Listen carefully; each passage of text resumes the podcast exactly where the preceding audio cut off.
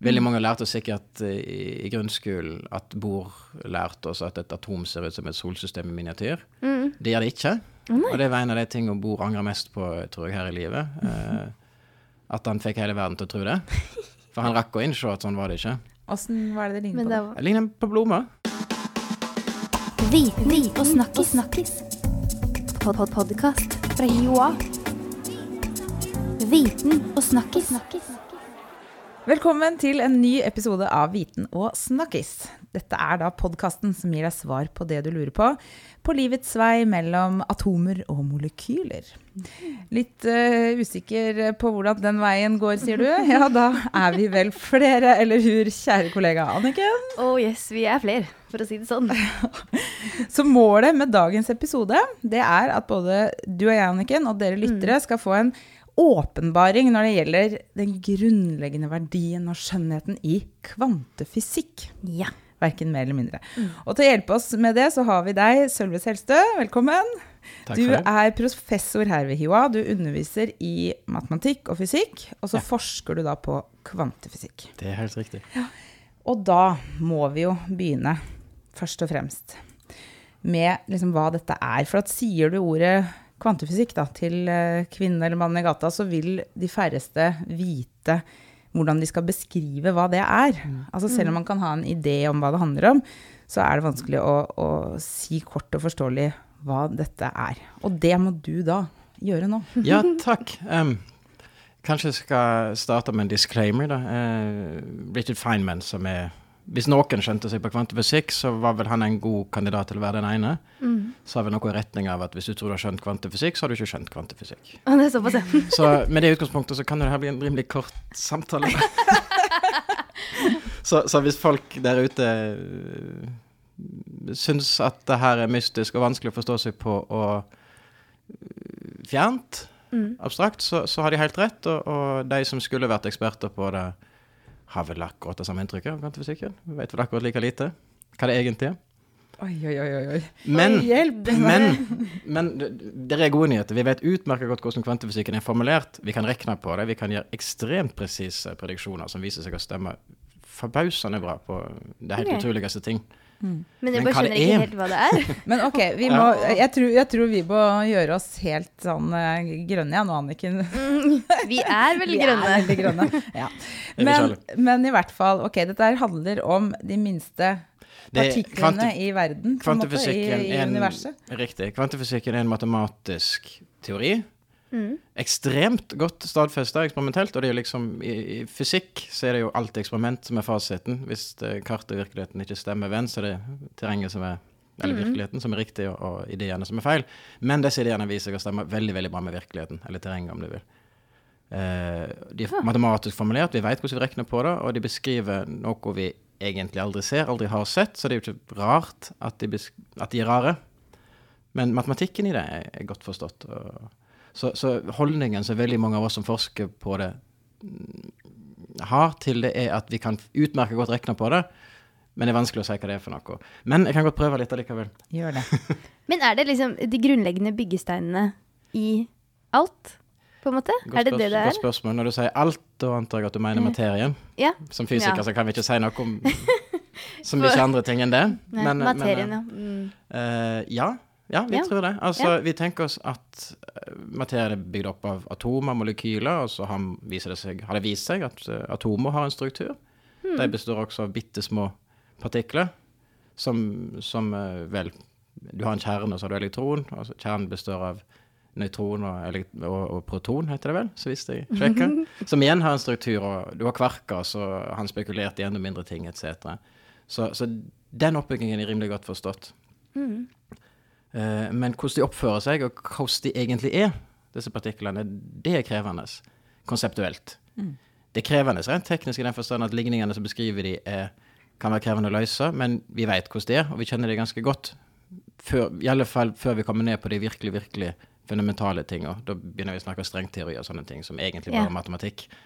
Så Pluss at jeg vet ingenting om det, så vi, vi kan, forholde kan holde oss på atom- og molekylnivå her. Ja, så, så, um, ja, kvant, nei, så kvantefysikk, det handler altså om hvordan atomer, molekyler, eller alle disse små partiklene på en måte henger sammen? Energien mellom dem, er det riktig? ja, det er helt riktig. Hvordan de henger sammen, hvilke, hvilke forbindelser de danner. Hvorfor de er sånn som de er. eh, Hvilke egenskaper har de, eh, etc. Alt det her lar seg veldig godt beskrive i kvantefysikken. Eh, Men den er rar, da. Fordi den kommer fra Den har utspring i en erkjennelse av at disse tingene her ikke er partikler, men bølger. Vel, de er begge deler. Det kan være interessant å se litt på historikken her, kanskje, fordi en hadde jo på 1600-1700-tallet så hadde en Newton og en konkurrent som heter Huygens, blant andre, hadde stygge krangler til dels om, om hva lys bestod av. Newton mente at det var partikler, Huygens mm, var helt sikker på at det var bølger. Hvorfor Newton mente at det var partikler, det aner jeg ikke. Det var ikke ser ikke ut til å være spesielt godt rettferdiggjort. Han hadde rett, men jeg skjønner ikke hvordan han kunne vite det da. Eh, men i alle fall, det fins målinger og fenomen som gjør det helt umulig å se på lys som noe annet enn bølger. Så det oppfører seg omtrent på samme måte som hvis du kaster to steiner i vann. ikke sant? Så vil det yeah. danne seg ringer, så vil de overlagre de to, Til forskjell fra partikler så kan bølger på, to bølger være på samme plass samtidig, og dermed så vil de blande seg og lage nylige mønster. ikke sant? Eh, og det så en med lys og andre ting. Som at det var, så en var helt sikker på at lys måtte være bølge. Men så kom Einstein på begynnelsen av 1900-tallet og fant ut at andre ting kan du ikke skjønne uten at det faktisk er partikler. Så, så Newton hadde rett, uten at vi helt skjønner hvordan. Så lys hvorfor. er et kvantefysisk fenomen, går det an å si? Absolutt. Ja. absolutt. Det har en kvantestrukt... Eller det er kvantemekanisk i den forstand at det består av små partikler. Virkelig, virkelig små partikler. Akkurat som elektroner er små partikler.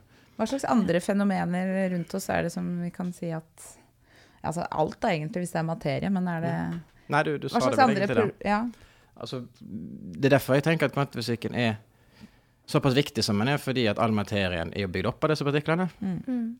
Hvorfor trenger vi å vite noe om hvordan alt er bygd opp helt ned til det minste, minste, minste Mange grunner.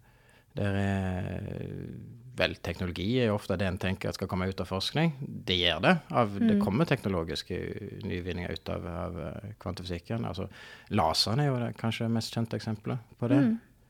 Veldig gode eh, mikroskop, som du kan faktisk se atomet. Jeg vet det fins, jeg har sett det. Altså, det går an å se det. For jeg, hvor små er de der er atomer, egentlig? Det er liksom En tidels milliarddels meter. Oh, såpass, ja. Ja, så det, det, det, Kan du da sette det over til eh, eller noen Hvor mange atomer består et gjennomsnittlig menneske av? Ja, det var et godt spørsmål. Okay. Ja, det var et godt spørsmål. Størrelsesorden 10 i 27 eller noe sånt, vil jeg tippe. Altså 1 og 20, en plass mellom 25 og 30 nuller bak, vil jeg tippe. Nå Oi. spekulerer jeg vilt, og det er farlig nær å avsløre at jeg ikke er spesielt god i hoderekning her. Ja, på det nivået der så, så er du I tilgitt. Men ja, for jeg så uh, Dette er litt digresjon, da, men jeg så den um, Det er en eh, dokumentar på Netflix som heter Particle eller noe sånt nå. Hvor de da bygger den store partikkelakseleratoren eh, i CERN. Mm. Hvor de finner, tester ut den ene teorien om det derre Higgs Ja, de fant den jo da, Ja. til slutt. Mm. Det er jo jeg bare jeg, jeg klarer ikke å wrap my head around hvordan man klarer å sitte og regne seg fram til noe som faktisk du ikke kan se, men klarer å påvise. Det er jo helt Det er helt fantastisk. Ja, det er helt fantastisk. En, ting, en annen ting som er helt fantastisk, når du ser de der maskinene de bygger for å måle det som kommer ut av disse kollisjonene, hvor Ja. ekstremt det er med fin elektronikk det er. Og her snakker vi om detektorer del? på størrelse med bygninger, Ja, ja, ja. ei- boligblokk, liksom. Mhm. At de får det til. Det skjønner jeg ikke. Men jeg, jeg fikk litt lyst til å fullføre den historiske tråden. Ja. jeg Ja. prøvde å bie meg ut på her. Okay. Nei, nei, nei, jeg, beklager vi er videre. Men Einstein. Eh, riktig, Einstein. Så, så Einstein in, var den som klarte å overbevise oss om at lys er både bølger og partikler. Mm. Og på den tida så hadde han funnet ut De var rimelig sikre på at det var noe som het atom, men hadde en viss idé om hvilken struktur det hadde. Det var partikler inni der. De består av partikler. Det hadde en skjønt. Vel, den fysiske delen av oss, i alle fall. Så får vi tilbake der. Men, men så var det en briljant franskmann som heter Louis de Broglie, eh, som sa som så at OK, så lys er både partikler og bølger, men hva da med materien? Hva med disse partiklene, er de også bølger? Eh, Mer enn gjennomsnittlig opplyst tanke, vil jeg påstå. Og de viste seg da å være helt riktig. Så de, de, de der, disse ringene i vannet jeg snakket om, disse fenomenene de så med lyset, med, med ting som blanda seg og lagde nydelige mønster, de så de også med elektron ganske kort etterpå. Altså måtte vi forstå at disse små partiklene som all materie er bygd opp av, ikke bare er partikler, men også bølger. Og da må vi ha en teori som beskriver det her. Og det var utgangspunktet for kvantefysikken. Så det er en rimelig subtil erkjennelse, og på ingen som helst måte intuitiv. Hvem er det som kommer til å tenke at disse små klumpene som vi er lagd av, ikke er klumper med mølje? Men vet du hva? Da Det er jo bring- helt insane. Ja, det er det. Og da bring... så kult! Nei, unnskyld. Ja. Ja, nei, men det er jo det. Og det bringer meg jo nettopp inn på det neste spørsmålet. For når du sier dette her er jo fantastisk, og hvem er det som kommer til å tenke på det? Og da tenker jeg, ja, hvem er det? Hva, er liksom, hva skal til for at et menneske tenker dette her er altså så spennende, og klarer å skjønne det, og dette skal jeg begynne å studere? Hvorfor Du må begynte ha- du å studere kvantefysikk? Sølve, det lurer vi på nå. Mm. Ja. Eh, for min del så starter det kanskje med at jeg er glad i matematikk. Mm. Og så har jeg sansen for ting som er rart, som en ikke forstår, men allikevel likevel kan regne på.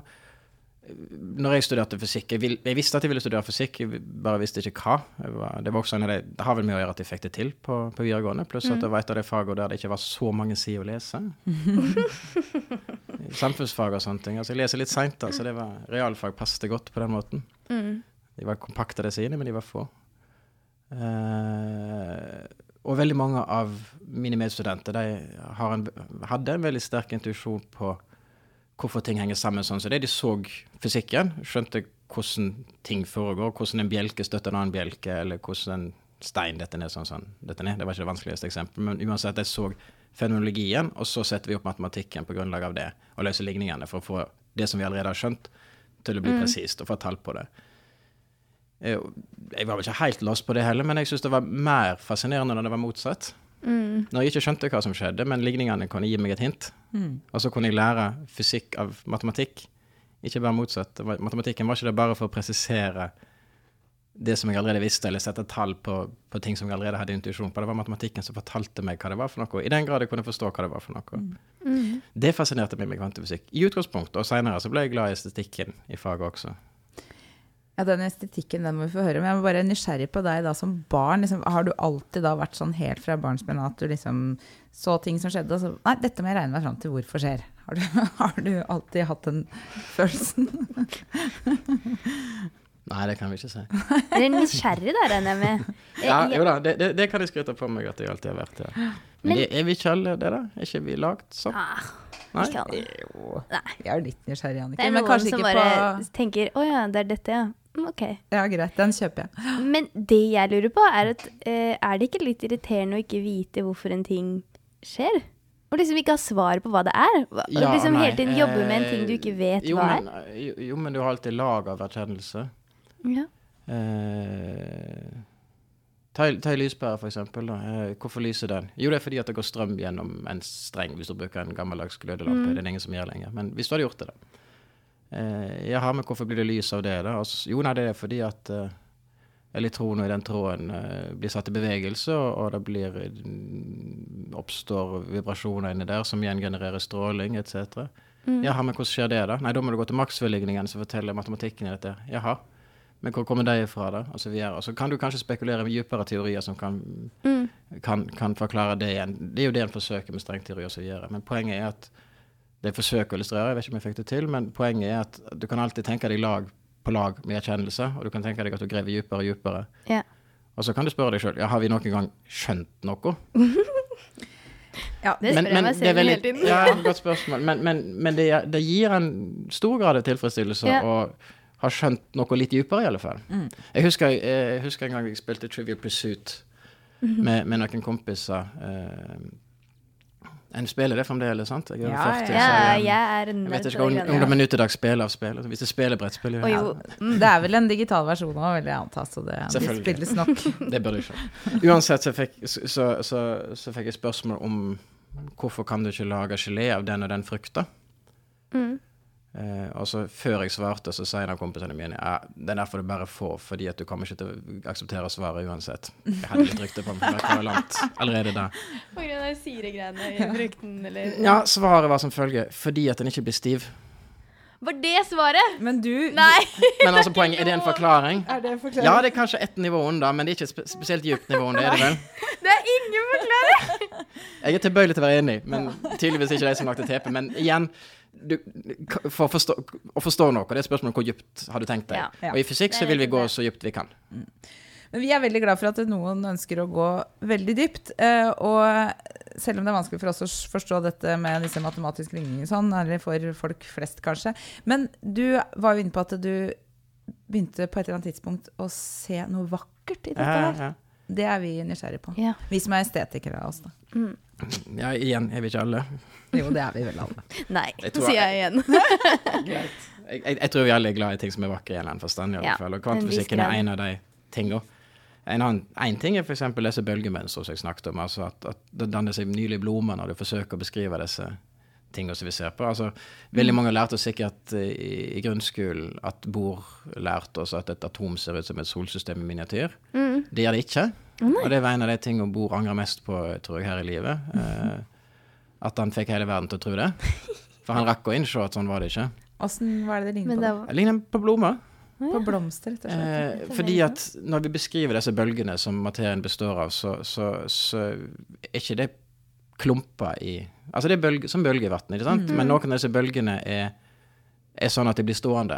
Akkurat som når du rister på en gitarstreng med bestemt frekvens, eller en yeah. Fjørstreng f.eks., så er det noe Hvis du har akkurat den rette måten å riste dem på, så står det, står det står bølger der.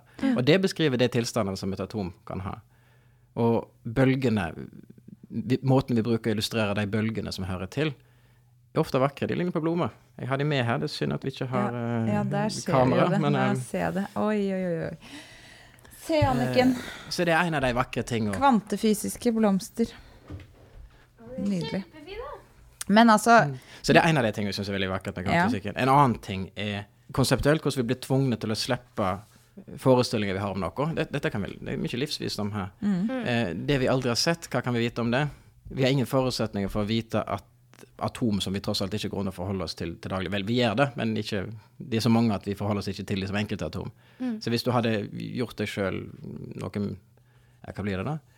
En, ganske mange ganger mindre. Og gikk rundt og vandra med molekyl. Hva i all verden har vi for forutsetninger for å vite hvordan de skulle se ut? Samtidig, vi må jo bruke de begrepene vi har for å beskrive dem. Det er derfor kvantefysikken blir så full av paradokser. da. At vi må finne oss i at de både bølger og partikler samtidig. Men, men hvorfor ikke? Erkjennelsen av at noe vi aldri har sett, oppfører seg og er på måter som vi ikke kunne forestilt oss i utgangspunktet, er en veldig lærerik erkjennelse. Som er fin å ha med seg i møte med andre kulturer, f.eks. For, eksempel, for den saks skyld. Hvorfor skal vi mene noe, kultur, noe om folk fra kulturer vi aldri har vært en del av, eller aldri, ikke engang kjenner til? Og at språket også setter en del rammer. Definitivt. Det er en mer abstrakt ting jeg setter veldig pris på med kvantefysikken, men den tvinger oss til å, vel, for å bruke en utslitt klisjé, tenke utenfor boksen. Dette her får meg til å nesten tenke at man må ha en spesiell person, eller spesielle personlige egenskaper for å kunne studere kvantefysikk skikkelig. Hvis du er en skikkelig utålmodig sjel som bare mm, skal ha løst ting med en gang, og da kanskje du ikke helt passer til det. Du må være nysgjerrig. Det syns jeg er et godt utgangspunkt. Ja, og litt tålmodig, da. Jo da, tålmodig. Jeg skal, skal ikke nekte for at tålmodighet kan hjelpe. Ja, og litt- Ikke for masse. Jeg må jo komme i mål. Ja, du må jo komme i mål, men også den der, ja, tåle den erkjennelsen at du ikke alltid får svar, da, rett og slett. At du ser liksom skjønnheten i det at uh, det er Ja, Det er ikke så lett å se den skjønnheten alltid. altså. Men ja. Ja, at man må dykke dypt ned i en ting over veldig lang tid og kanskje ikke få noe svar. mm. At man må erkjenne det òg. Kan jeg fortelle en til historie om Ja. estetikk? Du var, jeg tror du Anniken, var i ferd med å spørre meg om Higgs-bosonen i stad. Kan det stemme? Ja. Hvordan visste jeg at det kunne finnes, liksom? du, dere, for, Ja. dere må forklare lytterne hva dette er, da, for det er ikke sikkert Du, Jeg aner ikke hva det er for noe. Ikke engang fagfeltet mitt, partikkelfysikk og sånne ting. Jeg er mer opptatt av atom og molekyl, så innsikten min på det området er avgrensa. Men et enda mer konkret eksempel på det, det skjedde på jeg tror det var 60-tallet. Der er en briljant fysiker som heter Murray Gell-Mann. Han kunne, kunne litt abstrakt matematikk som heter gruppeteori, som ofte blir brukt for å, for å, for å karakterisere symmetrier. F.eks. en firkant er symmetrisk fordi at du kan rotere 90 grader og få tilbake samme figur. En sirkel er enda mer symmetrisk for du kan rotere hvilken hvilken som helst, osv. Og, og symmetrier blir ofte klassifisert ved hjelp av et abstrakt matematikk som heter gruppeteori. Men akkurat matematikken i det er, ikke, er ikke så viktig. Men en hadde allerede erkjent at de mest fundamentale partiklene kunne inndeles og representeres ved hjelp av gruppeteori på en veldig elegant måte. Og så var det en annen gruppe av partikler som en ikke helt hadde lykkes med det med. Det var ustabile partikler som levde bare ekstremt kort tid. Men de var der lenge nok til at en rakk å se dem allerede på, på 60-tallet. Imponerende, faktisk. Ja, det er imponerende. Men eh, det var slektninger av proton og nøytron, kan vi si. Resonanser. Men det var det ni av, og det var ingen måte å, å lage gruppeteorier som forklarte hvorfor de var ni. Derimot, ti hadde passet veldig fint med matematikken. Så på grunnlag av det, så bare, ikke bare påstår han at den måtte finnes, han ga den et navn, han kalte den omega minus, eh, han predikerte massen til partikkel osv. Og, så og jeg tror det gikk var det mindre enn to år fra de begynte å lete etter den til de fant den. Utelukkende på grunnlag av symmetri og matematiske, estetiske What? argument. Men åssen fant de den, liksom? Jeg skjønner ikke det. Ja, Hvor det er et godt finner du den? Det du gjør når du leter etter partikler, er å ta partikler som vi har massevis av, f.eks. proton. De er veldig greie å leke med, for de har ladning, så vi kan manipulere dem en del. Og så får vi, sender vi dem f.eks. rundt i CERN, til de får ekstreme hastigheter, sånn at det er mye energi involvert. Og så krasjer det sammen med andre proton, head to head. Og ut av det så kan det komme masse rart. Det kan det komme helt nye partikler, som kan leve ekstremt kort, men lenge nok til at en rekker å se at de går gjennom en detektor, f.eks. Dette igjen henger selvfølgelig sammen med, med relativitetsteorien, som, som bl.a. sier at masse og energi egentlig er det samme. Så når du putter masse energi uh, inn i noe, så kan du få masse rart ut. Det er det en gjør. Masse rart med energi. Guri meg, Anniken. Og dette er sykt spennende. Jeg skulle spennende, ønske jeg det er- kunne noe eh, om det. Ja, men nå kan vi jo litt mer, da. Men det jeg lurer på nå eh, Du forsker jo altså, på dette her. Hva er, hvilket forskningsprosjekt hva er det du akkurat nå holder på med å finne ut av, f.eks.? Eh, akkurat nå så er vi en gjeng med, med, jobber jeg sammen med venner og kollegaer i Stockholm og i Bergen for å prøve å løse Dirac-ligningen. Løse Dirac-ligningen. Dirac. Det er en Vel, kvantefysikken og langt over hele kjemien Jeg tror ikke alle likte at jeg sa det, men jeg sa det visst. Jeg kan egentlig forstå så langt på vei ut fra øh, en ligning som heter Schrødinger-ligningen. Mm. Som, som ble øh, kjent på, på 1930-tallet. Eh, men den er sånn at den ikke stemmer overens med Einstein sine relativitetsteorier. Spesielt den, altså den spesielle relativitetsteorien. Mm. Eh, den gjelder bare så lenge partiklene ikke har hastigheter som ikke nærmer seg lysfarten. Men det som er så sjukt nå, at en klarer å lage lasere som er i stand til å dra elektroner opp mot hastigheter mot lysfarten. Og da er det andre, da er det en generalisering av Schrødinger-ligningen som gjelder, som heter Dirac-ligningen. Og den er ikke lett å løse. Så den jobber dere rett og slett med å løse. Den jobber vi med å løse. Og hvis dere klarer å løse den, hva, hva vil det gjøre med mitt liv? Ingenting er kommer til å bli sånn før. Jeg lover deg. Hva har, si, hva har det å si for kvantefysikken fremover, da, hvis dere løser den? Vel, altså, nå, nå er dette en hårete differensialligning som Det, det er ikke svart-hvitt skille mellom løs og ikke løs- Nei, okay. Eh, Det vi gjør, er at vi løser den numerisk for bestemte system. Vi, vi tenker oss at vi har den og den laserpulsen Mm. på et atom. Og så skriver vi store, stygge dataprogram som kjører på store clustre av datamaskiner noen dager. Det, det, det er avanserte ting, dette. her. Jeg kan godt skryte hemningsløst over det vi gjør, for det er ikke jeg som implementerer det. Så hvis jeg blir oppfatta som eplekjekk her. Jeg eh, står og heier stort sett på akkurat den biten av prosjektet. Men entusiastisk. Men det det gjør, at det forklarer oss hvordan fysikk er når ting nærmer seg lysfarten. For det yeah. har vi en viss innsikt i, men ikke fullt ut. Altså, Ligningen er der, men den er ikke så lett å løse. Men er det noe som eh, beveger seg raskere enn lysets hastighet? Nei. Det er ikke det? Så vidt jeg vet. Vel, jo, men ikke noe materielt. Nei. For eksempel en, en skugge kan gå hvor fort som helst. Ja. Så hvis du, hvis du setter på en lysprosjektor på en vegg, og ei marihøne spaserer over, over rett framfor linsa, og du plasserer lang, veggen langt nok vekke, så vil skuggen av den, den marihøna gå, gå så fort du bare vil. Men den har ingen materie. Nettopp. Mens marihøna vil nok neppe materie. kunne bli superluminær. Så Så skyggen har ikke noe materie. Nei, det er jo bare fravær av lys. Det er ikke en dings. Fravær av lys, selvfølgelig. Ja.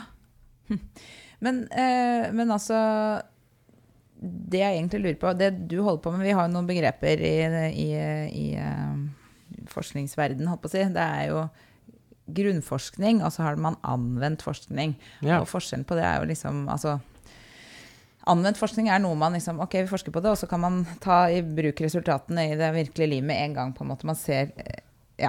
Eh, og grunnforskning, det er mer Hvordan henger Ja, det riktig. det. ting Nei, altså, vi, sammen grunnleggende? Hvorfor er det så viktig å, å forske på hvordan verden er bygd opp? Det er jo veldig populært å sitere Einstein, da. Et av mine favorittsitat sitat i, i gåsehøyet er I never said half the crap people say I did. det er veldig populært å tilegne han et sitat, men jeg gjør det likevel. Eh, hvis Han sa det vel strengt tatt om ingeniører, men det blir litt av samme likevel. Hvis vi bare hadde hatt ingeniører og ikke fysikere, så ville vi hatt veldig, veldig gode eh, parafinlamper overalt. Det er nettopp det. Men jeg illustrerer poenget litt. Grann. Altså, Ja. Når vi skal lage nye ting, det er ikke alltid vi vet hva vi skal lage. Og vi må jo undersøke hva som er det, før vi kan vite hva muligheter som fins. Det er grunnforskeren sin misjon. Men det er ikke engang den viktigste. Sånn som jeg ser det, Den viktigste misjonen sånn som jeg ser det, er å finne ut hvordan verden er. Ikke i en ontologisk forstand, for ontologi er ikke noe fysikken bedrives med, egentlig. Men, men bare for å vite hva som er der, hvordan kan vi forholde oss til det? Hvordan kan vi beskrive det? Det forteller jo også noe om oss, og forteller oss forhåpentligvis litt om hvem vi er. Så, så nysgjerrighet for nysgjerrighets skyld er egentlig det som driver mange av oss, meg sjøl inkludert, til forskere. Ja, det er- Og hvis en kan lage en maskin som gjør noe nyttig i forlengelsen av det, så er det veldig fint. Men Men hvis det- vi påstår at det var det som drev oss i utgangspunktet, så tror jeg nok mange av oss løy. Men, Men det syns jeg er så fint også, for det er litt det du snakker om, det estetisk fine med kvantefysikken. Jeg føler at det er også Da nærmer det seg litt sånn eh, kunst- og kulturfeltet, hvis du skjønner? Fordi ja, det, det blir Hvorfor lage musikk? Man lager musikk fordi man syns det er fint å høre på det. det er jo, har jo egentlig så har man jo ikke noe behov for det. Det blir jo litt det samme også å finne Snakk for deg ting sjøl. Nei, jeg har veldig behov for det, men bare sånn rent sånn for å overleve. Jeg, jeg, jeg har behov for musikk. du har behov for musikk. Ja, men det er der. Ja, men ja, for å overleve rent sånn eh, f- eh, fys... Ja, du skjønner hva jeg mener. ja. Jeg skjønner veldig Men- godt hva jeg mener. Meningen med livet samme. er å ha det fint og flott og ha gode opplevelser, og det er det fryktelig mange Det det som får med musikk og kultur Ja, og og, kunst er og fysikk og være nysgjerrig. Og ja, Mm. ja. Det, litt sånn. jeg tenker det, vi gjør dette her fordi at det er sånn vi er. Ja, men det er, det er veldig flott. Det var ikke en spesielt eh, Det var ikke en forklaring som var veldig mange lag ned, men Nei, men når vi i tillegg vet at det du holder på med, den forskningen på kvantefysikk og annen grunnforskning, er avgjørende for utvikling av eh, for innovasjon og utvikling av ny kunnskap og utvikling av samfunnet videre, så er jo det egentlig en totalpakke som er vel verdt å avslutte denne sendingen med, Anniken. Syns du ikke det? Det syns jeg. Selv om jeg kunne ha bare hørt på det her i en evighet, jeg. Men da foreslår jeg at eh, når du har løst denne ligningen, hva het den for noe igjen? den heter raklikning. Så får du komme tilbake, og så skal vi rett og slett eh, skissere opp hele greia. Hvor lang blir en sånn ligning? rett og slett? Og Altså, ligningen er ganske kompakt, egentlig. Så er den var hårete, men det er vel egentlig løsninga av den som er hårete. Ja. ja, okay. Selve ligningen i seg, den, den, eh, den er egentlig ganske pen, altså. ja, okay. Så der også har du litt estetikk. Ja, guri. Jeg ser estetikk i det meste, jeg, altså, så jeg har ikke noe problemer med å, å ta dine ord til meg som sannheten. Takk for at du eh, kom. Nei, takk for at jeg fikk komme. Det var hyggelig. Sølve, takk skal du ha. Lykke til med løsningen. Eh, Anniken, eh, ja, du er i hvert fall engasjert. Ha det bra. Ha det bra. Viten og snakkis. snakkis.